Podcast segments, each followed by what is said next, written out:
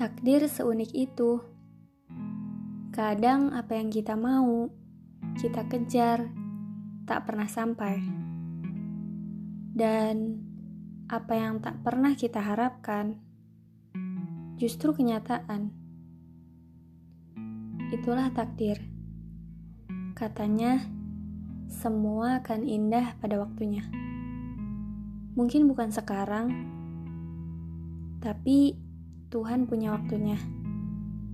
Kita tunggu saja, sambil terus berusaha. Yakin saja, ini yang terbaik.